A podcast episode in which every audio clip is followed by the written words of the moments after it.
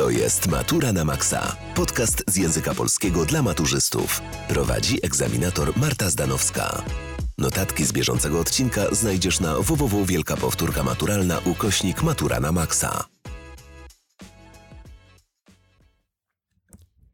Witam Was, kochani, w kolejnej odsłonie podcastu.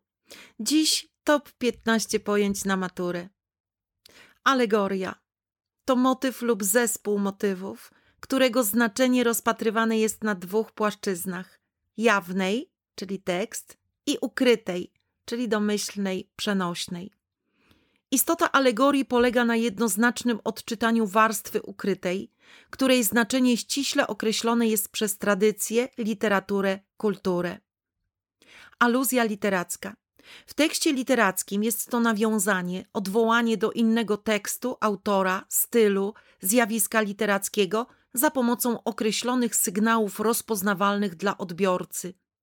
Aluzja wiąże utwór z tradycją literacką, stanowi komentarz do utworu, pomaga w interpretacji, lecz wymaga znajomości kultury literackiej. Archetyp to stały i niezmienny prawzorzec zachowań i postaw ludzkich, utrwalony w świadomości zbiorowej każdej społeczności. Na przykład Prometeusz jest archetypem buntownika, narcyz egoisty zapatrzonego w siebie. Po raz pierwszy wzorce archetypiczne zostały zapisane i utrwalone w mitach. Autobiografizm to wplatanie do utworów własnych przeżyć i losów autora, a także zdarzeń, których autor był świadkiem. Inaczej mówiąc, to włączenie do utworu fragmentów własnej biografii, na przykład w utworach Jana Kochanowskiego czy w utworach romantycznych.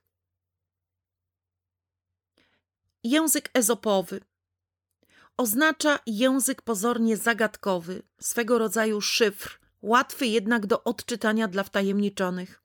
Wypowiedzi formułowane są tak, aby jej treści zostały zasugerowane w sposób utajony, pośredni, zawoalowany. Charakterystyczne dla ezopowego języka jest posługiwanie się na przykład metaforą, peryfrazą, parabolą. W utworach powstałych w Polsce pod zaborami język ezopowy stosowano po to, aby przechytrzyć niezwykle skrupulatną i surową cenzurę, zwłaszcza rosyjską. Słowa takie jak Polska, powstanie czy niepodległość były zabronione. W związku z tym, zamiast nazywać coś dosłownie, używano omówień, czyli peryfrazy. Na przykład powstanie styczniowe określano jako pożar lub wielki ogień. Wspólną walkę różnych klas społecznych określano jako zbratanie. Powstanie nazywane jest pożarem chociażby w Nadniemnem Orzeszkowej. Groteska. Groteska to kategoria estetyczna, charakteryzująca się przedstawieniem świata w sposób zniekształcony, zdeformowany. Wszystko w grotesce jest karykaturalne, przerysowane, absurdalne, lekceważona jest zasada dekorum. Intertekstualność to badanie relacji pomiędzy poszczególnymi tekstami, dialog między tekstami. Przejawem intertekstualności są wszelkiego rodzaju nawiązania do innych tekstów kultury, na przykład aluzje do innych tekstów, parodie, cytaty, parafrazy, odniesienia do innych dzieł i autorów, bliższe lub dalsze.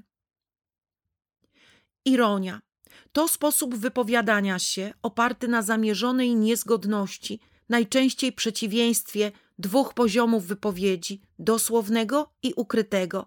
Zatem sens wypowiedzi jest zupełnie odwrotny niż się to pozornie wydaje. Na przykład w satyrze do króla Krasicki ustami przeciętnego szlachcica wymienia same wady Stanisława Augusta. Wymowa jest odwrotna, tak naprawdę to jego zalety. Ironia jest zaliczana do podstawowych kategorii w estetyce. Odnosi się również do sytuacji, zjawisk niezgodnych z oczekiwaniami, rezultatów przeciwstawnych wobec zamiarów, czyli do zaburzenia przyczynowo-skutkowej struktury rzeczywistości. Zanim przejdziemy dalej, zapisz się na wielką powtórkę maturalną. 4 godziny omawiamy cały materiał wymagany na maturze. Do wyboru aż 10 przedmiotów maturalnych. Pamiętaj, że otrzymujesz gwarancję z danej matury. Kodem Matura na Maxa zgarniesz minus 10% na wszystkie powtórki. Dołącz już teraz na www.wielkapowtórkamaturalna.pl Katarzis To rodzaj duchowego oczyszczenia, jakiego doświadcza widz bądź czytelnik. Tragedia grecka miała wywołać u widza litość i trwogę, a następnie wstrząs prowadzący do oczyszczenia, tak zwany katarzis. A żeby doszło do owego oczyszczenia, zdaniem Arystotelesa, tragedia musi spełniać kilka warunków tragiczności. Bohaterowie muszą być postaciami średnimi, przeciętnymi, nie mogą być ani nazbyt szlachetne, ani niegodziwe. Tragiczny los człowieka dobrego wzbudziłby bowiem u widza oburzenie, a nieszczęście postaci podłej mogłoby dostarczyć widzowi przyjemności. Przeciętny bohater będzie do nas podobny. Dzięki identyfikacji z nim doznamy wstrząsu uczuciowego, oczyszczenia duszy z win.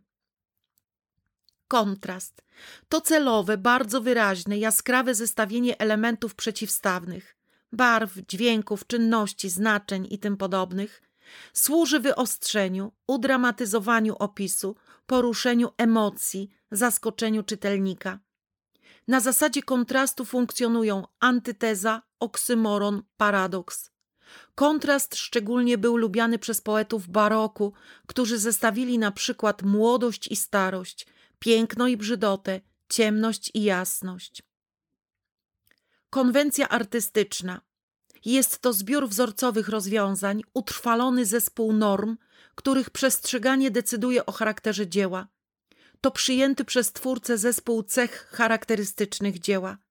Konwencja dotyczy między innymi zasad tworzenia, wyboru tematów i motywów, doboru środków wyrazu i sposobu kreowania bohaterów. Mimezis mimetyczny to termin wywodzący się z filozofii starożytnej. Oznacza rodzaj relacji podobieństwa czy działania opartego na naśladowaniu rzeczywistości. Sztuka naśladująca rzeczywistość to sztuka mimetyczna. Jest kilka sposobów naśladowania rzeczywistości. Twórca może ją przedstawić piękniejszą, czyli idealizacja, lub brzydszą, czyli karykatura. Twórca przedstawia tylko ogólne zdarzenia i typowe dla ogółu zachowania. Twórca może przedstawiać nie tylko to, co rzeczywiście się zdarzyło, ale to, co mogło się zdarzyć, co jest prawdopodobne. I wreszcie twórca może dowolnie konstruować kompozycję zdarzeń, dzięki czemu wypracowuje zupełnie nowy styl. Parabola. Parabola to inaczej przypowieść. Jest to gatunek moralistyczno-dydaktyczny. To opowieść z ukrytym przesłaniem, które jest tu najważniejsze i właściwe odczytanie go jest kluczowe dla zrozumienia sensu całej przypowieści. Charakterystycznymi cechami przypowieści są uproszczona fabuła, schematyczne postaci, brak jasno określonego czasu i miejsca akcji, uniwersalizm, obecność alegorii i symboli. Źródłem wielu znanych przypowieści jest Biblia, na przykład przypowieść o synu marnotrawnym, ale i powieści paraboliczne w literaturze dwudziestowiecznej, na przykład Dżuma Alberta Camus, czy Proces Kawki, czy Mały Książę Exiperego. Topos to motyw, który często powtarza się w literaturze, czyli motywy, tematy, obrazy, które powracają i są stałe. Zaczerpnięty zwykle z mitologii czy pradawnych wierzeń, pojawia się w przeróżnych formach w dziełach literackich z wielu okresów na przykład Topos domu, Arkadii, Homowiator czy Dance Macabre. Tyrteizm to nurt poezji patriotycznej. Jego nazwa pochodzi od imienia starożytnego greckiego poety Tyrteusza. To poezja wzywająca do walki za ojczyznę, uwznioślająca śmierć na polu bitwy i piętnująca tchórzostwo. Więcej informacji znajdziecie na naszej stronie internetowej wielkapowtórkamaturalna.pl oraz na Instagramie i TikToku. Tyle dzisiaj. Do usłyszenia w kolejnym odcinku podcastu, na który serdecznie Was zapraszam.